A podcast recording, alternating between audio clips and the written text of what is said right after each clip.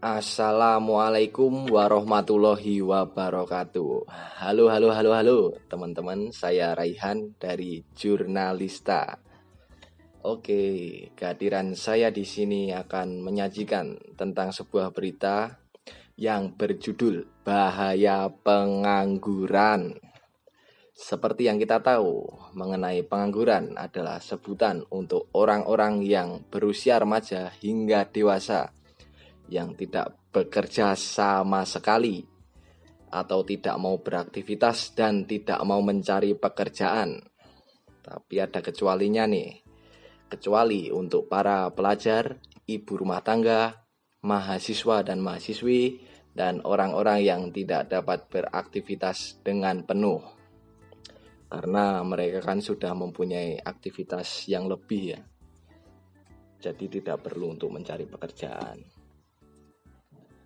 Oke, lanjut. Kira-kira apa sih bahaya pengangguran itu? Yang pertama, bahaya mempengaruhi sebuah pertumbuhan ekonomi dan dapat memberikan dampak seperti menurunnya pendapatan rata-rata penduduk per kapita, kenaikan biaya sosial yang harus dikeluarkan pemerintah, berkurangnya sektor pajak yang diterima pemerintah, dan menambahkan hutang yang dimiliki negara. Ini buat ngaca teman-teman yang sering ikut demo.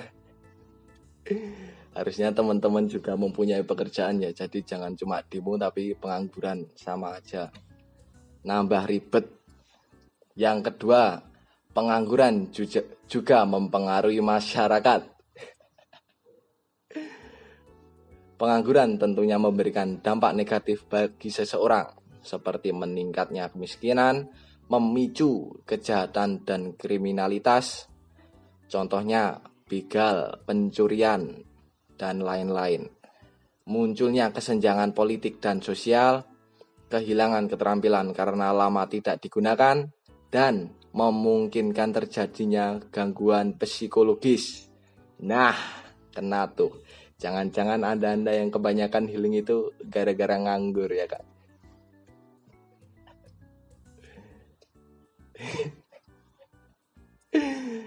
Nah kurang lebih itu saja teman-teman mengenai bahaya menganggur. Sebenarnya lebih banyak lagi sih bahaya-bahaya dari pengangguran ini. Tapi saya hanya menyebutkan dua saja mengenai bahaya dari pengangguran. Karena itu sudah mewakili hati teman-teman saya semua. Oke, baik teman-teman, kurang lebihnya seperti itu. Dan saya harap teman-teman semua jangan sampai ya untuk uh, menganggur. Uh, terus kalau misal sudah kesibukannya sudah selesai, misal sudah selesai kuliah, sudah selesai sekolah, setidaknya tuh nyari uh, sebuah pekerjaan ya, walaupun hanya dapat uh, uang rokok atau uangnya nggak seberapa lah, yang penting ada aktivitas daripada nggak ngapa-ngapain ngeributin orang lain kan bahaya juga. Oke, kurang lebihnya seperti itu. Uh, terima kasih dari saya Raihan. Wassalamualaikum warahmatullahi wabarakatuh.